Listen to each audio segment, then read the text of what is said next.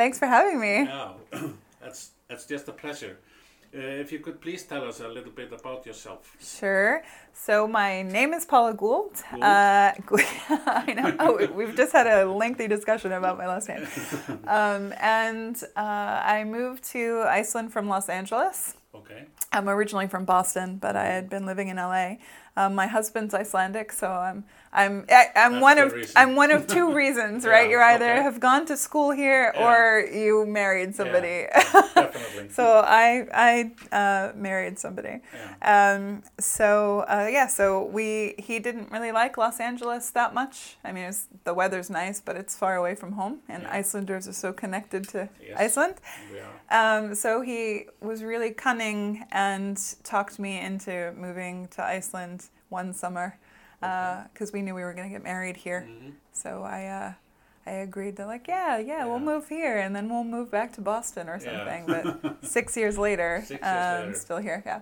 And the big question: How do you like it? How do you like Iceland? uh, I like it just fine. Um, when I was moving here, right before I moved here, I had a little bit of a, a breakdown. I tell this story actually all the time Okay.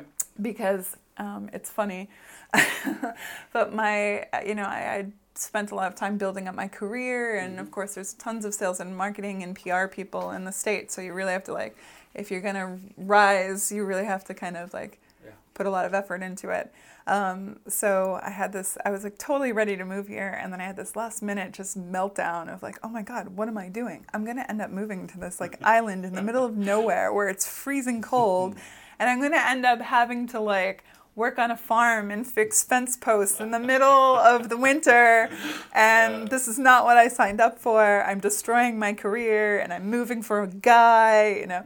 Anyway, so I talked to my husband about this, and he um, he just kind of like patted me on the back and was just like, ah, you know, like it's gonna be okay. Like you're gonna do just fine. I'm like, I'm not gonna do just fine. I'm gonna end up bagging groceries at the grocery store. I've ruined my career. Uh, And he was like, oh, honey. You're not gonna end up bagging groceries at the grocery store. We bag our own groceries at the grocery store. so exactly what I was yeah, yeah, yeah. So, um, so yeah. So I moved here anyway, and then I had worked extensively in the startup community in the Okay. states. Okay.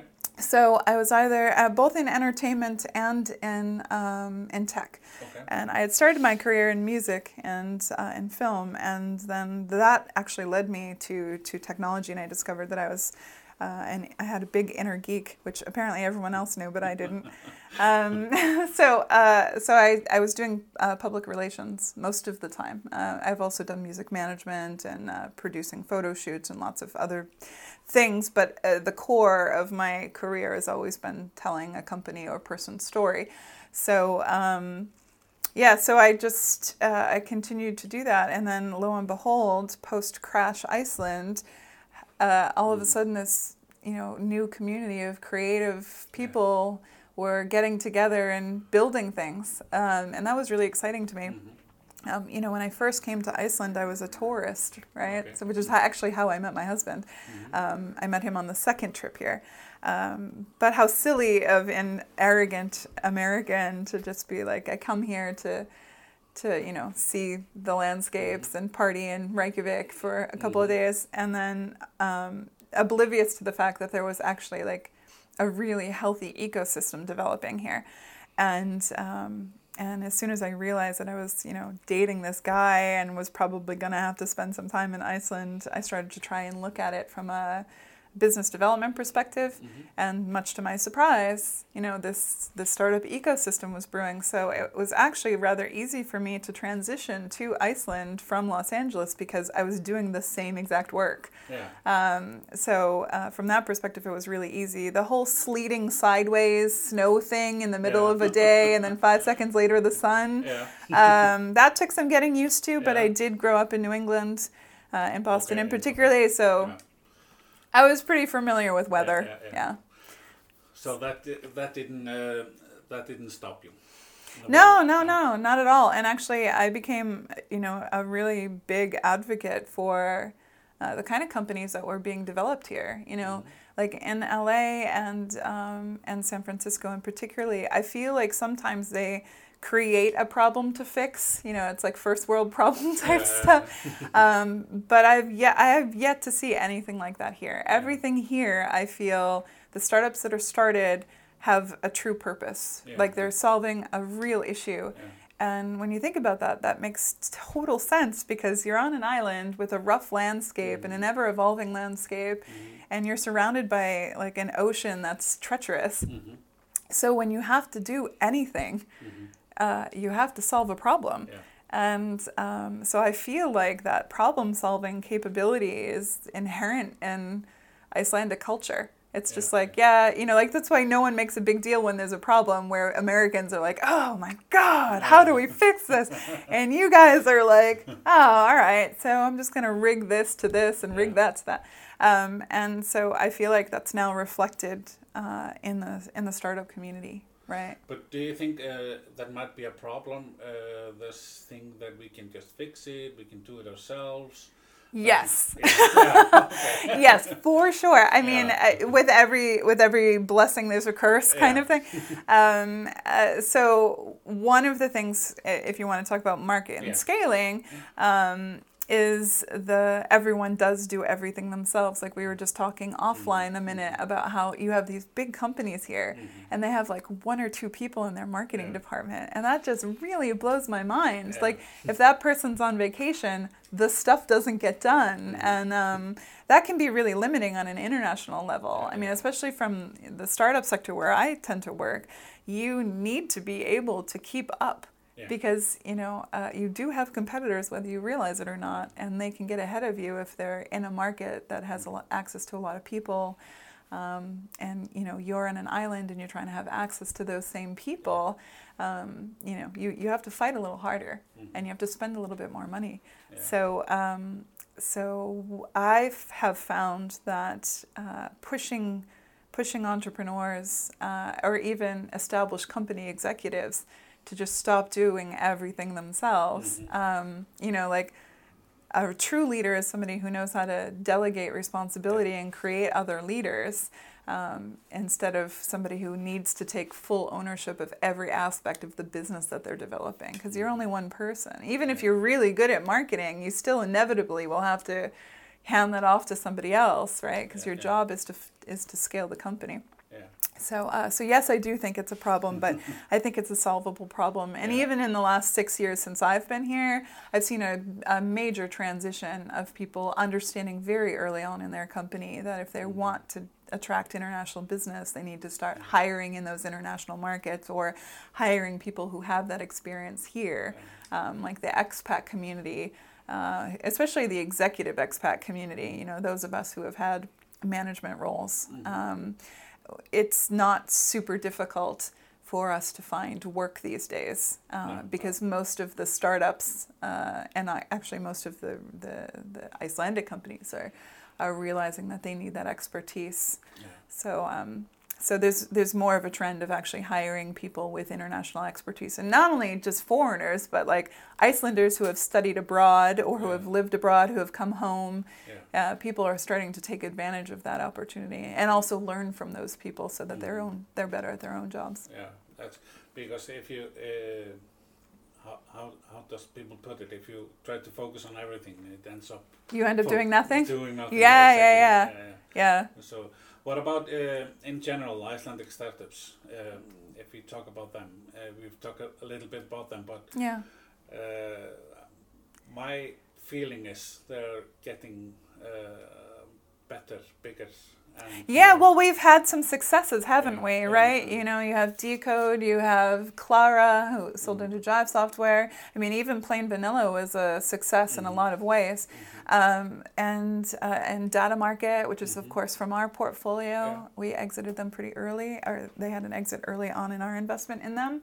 Um, and uh, those people have been exceptional in coming back into the community and sharing that knowledge, right? Mhm. Um, and making sure that people understand, like, sure, this is how you, this is how I used to think, and then I Mhm. moved abroad, and now I think differently. Yeah, yeah. Um, uh, Mobilitas is another really good example. Helga Waya and Tote come back all the time. To, you know, they're a little Mhm. bit more forward in how Mm. they uh, talk about things. They just kind of cut through the BS and just mm-hmm. put it put it out there for mm-hmm. you. Um, but you know, it's talking about networking. It's talking about how to hire somebody you don't know, mm-hmm. which is like an actual skill set in yeah. here, right? Because yeah. everyone knows each other. Yeah. So you, uh, yeah, there's nepotism in Iceland is like a whole nother level. And uh, you know, I grew up in Boston, and there's a lot of nepotism in Boston, and of course also in Los Angeles um, but it's a different kind of nepotism. So uh, I feel like in some ways um, you hire you always want to hire someone you know already know you can work with mm-hmm. for sure um, but you might be missing out on opportunities with people who have a deeper skill set or who might be somebody you could get to know and who you might work with well.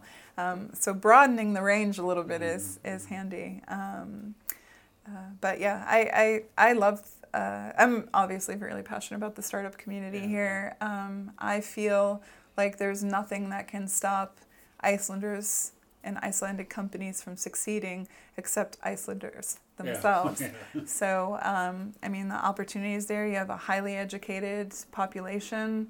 Um, you know, you have you have people who go back to school. You know, there's like this mm-hmm. constant need to learn. Maybe it's from that literary culture. Yeah. You know, mm-hmm. um, and you have people that constantly want to improve themselves or learn something new and mm-hmm. that's that's a that's an amazing thing I, yeah. you know no one's ever comfortable maybe it's because the landscape is never comfortable yeah. right it's always like breaking apart and always exploding and so i feel like maybe that's seeped its way into uh, uh, into the culture here too the, and the urge to do it yourself so i just yeah. instead of hiring uh, someone, I just go to yeah. school and learn it myself. Yeah, yeah, yeah. I can. Do, yeah, well, I mean, think about that. That's yeah. actually a really big thing because you know I find in the states. Um, you, you get conflicting messages you get the, the like yeah you can do it and then and then as you're growing up in your career and you get out into the workforce mm. it, there's not so much that you can do it because it's so highly competitive, mm. particularly in those fields where there's a lot of people like marketing and sales um, you know, they're always trying to tell you how you can't do it, right? Because that's, the, that's the competitive yeah. market. So you're kind of forced in a different way to self improve. Mm-hmm. Um, here, I feel like there's more of a, you know, just just wing it, just go ahead and try it. Yeah. Um, and that's actually that's a really great thing. But inevitably, if you really want to push forward, you have to start bringing in people who already have that expertise and knowledge. Yeah, um, so learn along the way, but also don't be afraid to hire people who know more than you do. What about patience? Uh, I think we are a little bit known of we don't have a, a lot of patience. So when startups are uh, starting up, yeah. Uh, do you feel like uh, Icelanders have less patience to wait until? Do you mean do you mean investors having less patience yeah. towards the startups, or startups no, having startups. less patience to reach the? Well, yes and no, but I don't think that that's an Icelandic thing. I no, think that no, that's just, I think that's okay. a startup entrepreneur. Yeah, yeah. there is something inherent in being an entrepreneur that you just like it's this attitude of like, well, why wouldn't people pay attention to me? Mm. Why wouldn't they see my brilliance? Yeah. Why wouldn't they just immediately adopt my service or product? Yeah. Um, and that's true. I mean, I've, I've worked with startups uh, in Israel, I've worked with startups in the States, in the UK uh, and and here, and uh, that's just common. Yeah, that's that's, that's something that should actually be celebrated. Uh, the problem is is uh, sometimes they don't think of uh, of a strategy around getting something done. Like um, you have an immediate hack that works for mm-hmm. you. Like you get a maybe a PR uh, win that was just kind of a stunt um, or you know you get some initial market traction but then there's nothing behind it. Mm-hmm. so there's no like how am i going to take this opportunity and really run with it? um, and that takes strategy. And strategy to me is the one area that's missing. And a lot of that comes from that impatience um, or just that whole like almost arrogance of like well obviously they're just going to like yeah. really like what i do. But but that that attitude is a necessary part of entrepreneurship, but you do have to. Um, you do have to surround yourself with people who can say like okay so what are we gonna what are we gonna do with this um, and also uh, what i've found with impatience in marketing in particularly mm-hmm. is that you'll hire somebody into marketing or you'll try something and then it doesn't immediately work mm-hmm. right like you'll have a small test segment and you're like, oh, well, this didn't work in a week or a month. so it's not going to work. Uh, and there's no there's no like uh, focus so much, and this is also changing on on uh, A/B testing, uh, throwing different messaging out there, carving out a budget Mm-hmm. to do that, particularly in consumer. I mean, this is also true in B two B softwares, but I found when you're hitting the consumer market, y it takes a lot of money to hit the consumer market and to and to get adoption in the consumer market.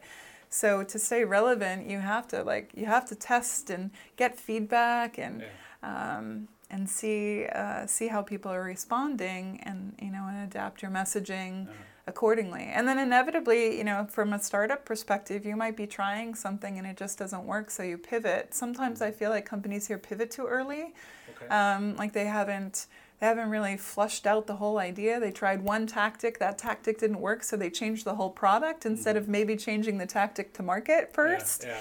yeah. Um, and uh, so, uh, but but I do feel like Iceland has had some successes now. So you it, you Yeah. know we, we have to move beyond the are we doing it wrong? Because every st- you know every market has startups that do it right and do it wrong, and some are just lucky. But that luck is usually a result of having like you know strategy behind a, Yeah. a hack or a Mhm. or a stunt. Yeah. Um, so If you tell us a bit uh, about Frumtak. yeah. Yeah. So, uh, Frumtak Ventures, it's been around since 2008, actually. Um, I think they did their first investments in 2009 Okay. uh, through Frumtak One, which was the first fund. Mhm. Um, and, uh, and then in 2015, they started Frumtak Two. Okay. Um, and that's already been pretty fully invested at this point. Uh, we invested in Sidekick Health in February, and I think that that's the last for a while uh, until we raise the next fund um, and show some show some exit traction. Um, but Frumtak is a post-seed, early growth uh, uh, fund. Mhm. So um, we have 16 active companies in our portfolio now. There's about uh, 9 billion ISK under management, depending on the day, right? Yeah. Because let's face it, the Yeah. currency has been fluctuating. Uh, but we'll just say 9 billion under management between the two funds. So, um, so we have a lot of work cut out for us. Um, we're a general fund, Mhm. so that's that means we don't specialize in a particular area. We just look at companies across the Icelandic uh, business landscape and see who, uh, what teams and what product um, seems like a viable, Yeah. uh, a viable uh, business. Okay. Uh, so then we stay within the companies for five to seven years and then we exit. So, um, but obviously we've become one of the more prominent VCs, which is great. Um, and we work really hard to, to maintain a really great relationship with the portfolio companies and with our co investors outside of Iceland. Um, uh, I was brought in specifically to heighten Frumtak's profile internationally. Um, so I've been traveling quite extensively and meeting meeting our pals in different Yeah. countries, uh, in the U.S., in all of the Nordics, in the U.K., um, mainland Europe. Uh, and the goal of that is that if more people know about us and we have a solid reputation, that bodes well for our portfolio companies because Okay. then we're viewed as the VC of note Mhm. um, that other VCs who are looking for growth companies Mhm. uh, can can rely on and co-invest with Mhm. amicably and uh, and work together to, to build a really great company. Okay. Um, so uh, the other thing I do in Mhm. Frumtak, uh, or that Frumtak does, and why I'm here, Yeah. uh, is to work directly with the portfolio companies Mhm. uh, on their growth strategies. So we have companies at a lot of different levels of uh, of development and growth. Mhm. Um, some more established companies might not need somebody to help them with you know marketing templates uh, or a protocol Mhm. but some some of some some of the older companies might just need like uh, an extra set of eyes or a different way of viewing things or somebody who's worked extensively in the US market if they're going after the US market. Uh, some of the younger companies might need more handholding Okay. or just uh, more attention. So um, they're at a more critical stage, they're going for their next round of funding, they have a little bit of runway from us. And uh, they're trying to reach into a new market, and that takes a, that takes an army uh, of people. So um, you want all of your resources Mm-hmm. available to you. You want to use your investors' network to build uh, other investor networks. Mm-hmm. Um, you want to use them for business development. Um, so our uh, my role with those smaller companies that are in a critical growth phase is to really sit down and, and go over the deck and go over uh, the marketing protocols and, and, and communication protocols to um, help with leadership decisions and also helping those leaders delegate Okay. um, and find find gaps in their talent. Mhm. So they might have a really really great team, but they might keep running into the same problem over and over again. Yeah. And so looking at where everyone's talents are and finding out where the missing talent is and hiring in for that area, Mhm. uh, that's another another Yeah. thing that, that we help help with. Uh, you talked about uh, ideas and teams. Mhm. I've heard a lot of people say that the uh, team is sometimes more uh, more uh, bigger thing than the idea. Sometimes it is. I mean, you could have an amazing idea. I've worked uh, in, in when I had my own PR company. I worked on an, a lot of really compelling projects. I, I was I'm a sucker for a really good idea, um, but you can be blindsided uh, if you don't know what to look for, if the team isn't right Yeah. right? So you, this, somebody could have a really brilliant idea, but they might not be a really good team to, to execute that idea. Or they might be a really good team at the beginning when the idea is new, Mhm. um, and then might not be the right team when the idea has grown beyond beyond them. Um, and that's that's just natural business. I mean, if you look at big businesses, Mhm. they have uh, you know they have transitions within their team all the time. Um, it just doesn't it doesn't feel the same because when you're a, when you're an enterprise company you have thousands of employees uh, employees around the world, uh, it doesn't feel as personal than when you have like ten people on your team and you need to transition Yeah. an executive or a director or even just uh, you know a, a, a worker a regular employee. Yeah. So What about uh, people that are, are with teams or with ideas or who are listening to this pod- podcast? What uh, recommendations do you have for them, or what what do you think people should do to start with? yeah, I mean one of the most critical things is how well you work together. Mhm. You know, like um, a lot of times it's you might have a really great idea and you want to bring it to fruition, uh, but you you either aren't the kind of person who can have a co-founder, right? Your personality doesn't lend to that. That can be something you need to self-reflect on. That can actually be dangerous as you grow the company. Yeah. Um, uh, or you might have trouble finding the right co-founder. Or you might you might be a really great team early on, and you you co-found together. You've known each other for you know since you were in kindergarten, Yeah. um, and the company reaches a critical growth stage. Uh, and that's when you start to analyze the dynamics of the team and who's on who's on on who's responsible for what. Yeah. So a lot of times co-founders in particular change roles within the company. Mhm. Um, they might start as the CEO and then move over into another role that better suits their interests or their uh, skill sets. Yeah. Um, and that's totally natural. Mhm. Um, but it is it does cause friction. So you have to be aware ahead of time that every company is going to reach a point where there's going to be, you know, conflicts in personality or conflicts in direction or conflicts with the board. Mhm. Um, and the the sooner you uh, internalize that and, and know that that's a natural course of action for a business and its growth, um, the easier it'll be when that transition actually happens. Mhm. Um, but I do really recommend that you work with people that you that you really know you can work with. Yeah. Um, and trusting your gut is a big thing. You know, a lot of us when we're younger, we don't know how to trust our gut because we don't know enough. We're not confident enough in our abilities. Mhm. But as you get older, um, you know that that pang you get in your stomach when something isn't right, Mhm. um, or when something is right, uh, you you learn to trust it, and it becomes it, it becomes a critical part of your decision making. Yeah. Like uh, if you want to go to market in a certain way, but something doesn't feel right, you shouldn't go in that way. You Yeah, should yeah, you yeah. should trust your instincts on it.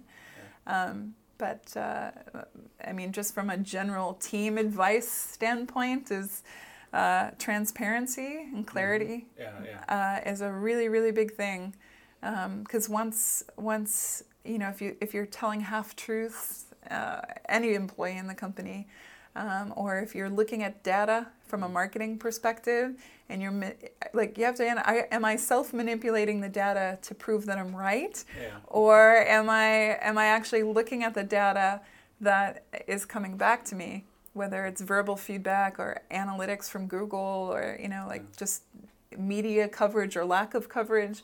Um, take a look at that data and what is that data telling you and and you know you have to shift and move Yeah. accordingly um, but you also have to recognize who you are as yourself if you're manipulating data to drive a point home because you really need to be right Yeah. that's not that's not the right kind of data No. um, and that can actually be detrimental to your Yeah, business Uh, we were talking about earlier uh, before we started this uh, meetup next week.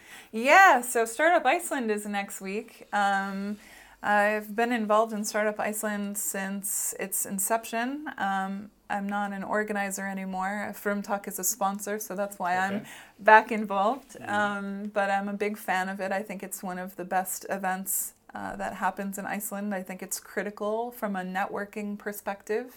Um, one thing that I found too, just to s- side tangent on events, is when I talk about events, a lot of times uh, entrepreneurs here.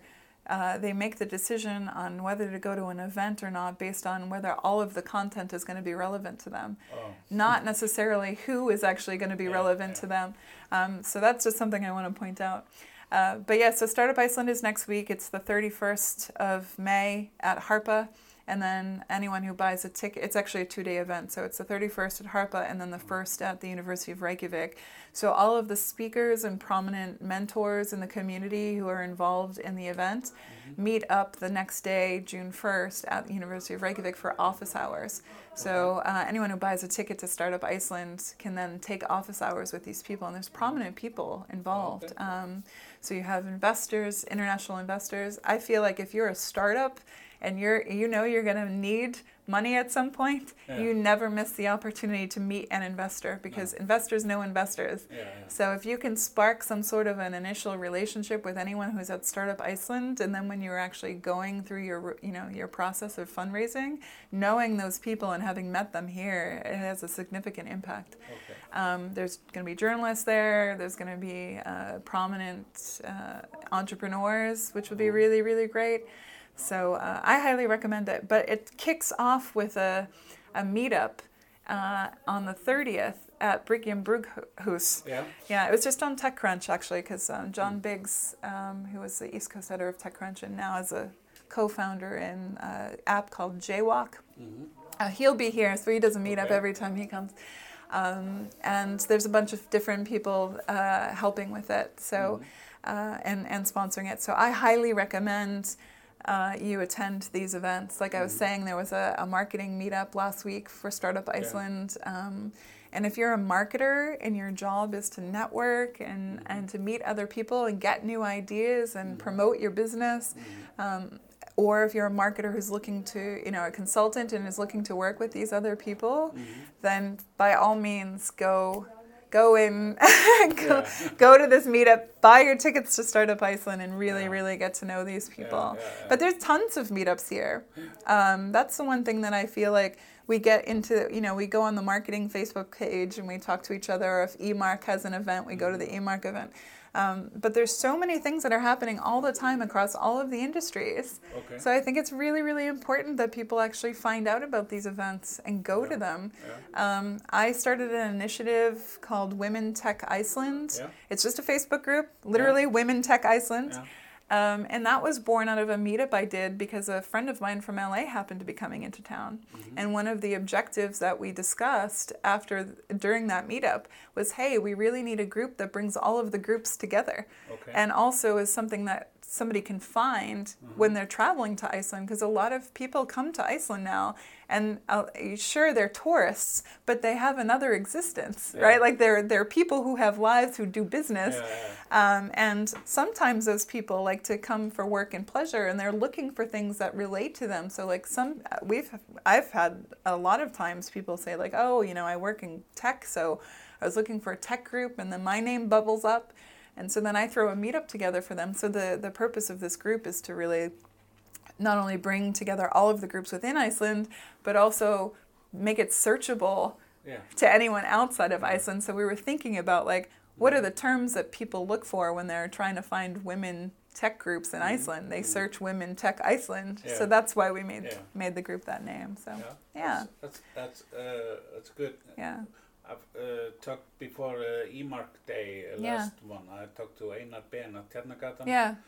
And we we agreed that uh, one of the biggest thing about uh, attending was not maybe the speakers but was the other people in the room Yeah, well, I mean, before we started the podcast, we were talking about the other people in the room and how everyone in Iceland just presumes that everyone knows everyone in Iceland. yeah And actually, uh, Thor from um, from the Iceland Ocean Cluster, Yeah. he wrote a post uh, a few weeks back on Northstack uh, about how when he was bringing together the entrepreneurs within the Ocean Cluster, none of them knew each other. And he's like, for a country that claims to know everyone Yeah. it, within the community, how is it possible that that many entrepreneurs had never interacted with each other Yeah. before? And that became the purpose of Ocean Cluster. And like I had said with the last women in uh, the last Women Tech Iceland event that I did, um, there was several people that came that I had never met before, and then everyone who attended also said that they met other people that they had never met before. And so, from my perspective, that was a success. yeah Um, so I do feel like we get in a habit here in Iceland of presuming that we know everyone when we don't. yeah So you know, it, it helps to get out of the house and yeah and go to these events. Um, Okay. Yeah, it opens up the opportunity for new employees, for new ideas, for new allies. hmm So yeah, definitely yeah, Uh, it's it's uh, super important I think uh, meeting people and and and having having these relations because yeah, if you need something then yeah. I mean, in, in in any way, and also like giving back to those people too Yeah, is yeah, also when you don't need them. It's also really important. Um, but I, I mean, if you want to get down to core marketing principles, knowing people and and FaceTime will serve your company much much better than Yeah. any AdWord campaign Yeah. ever will.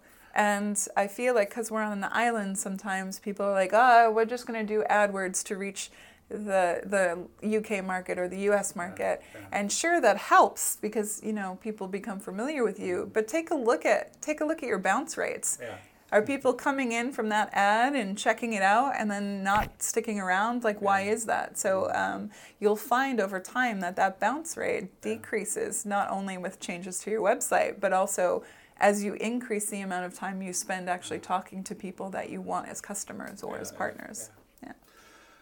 Yeah. Yeah. That's very good. Uh, I want to thank you a lot for uh, meeting me, and uh, I will definitely use all of your points for the future. Yeah. And uh, yeah, just thanks a lot. Yeah, Thank you. thanks for having me on. Good to meet you. Yeah, thank you.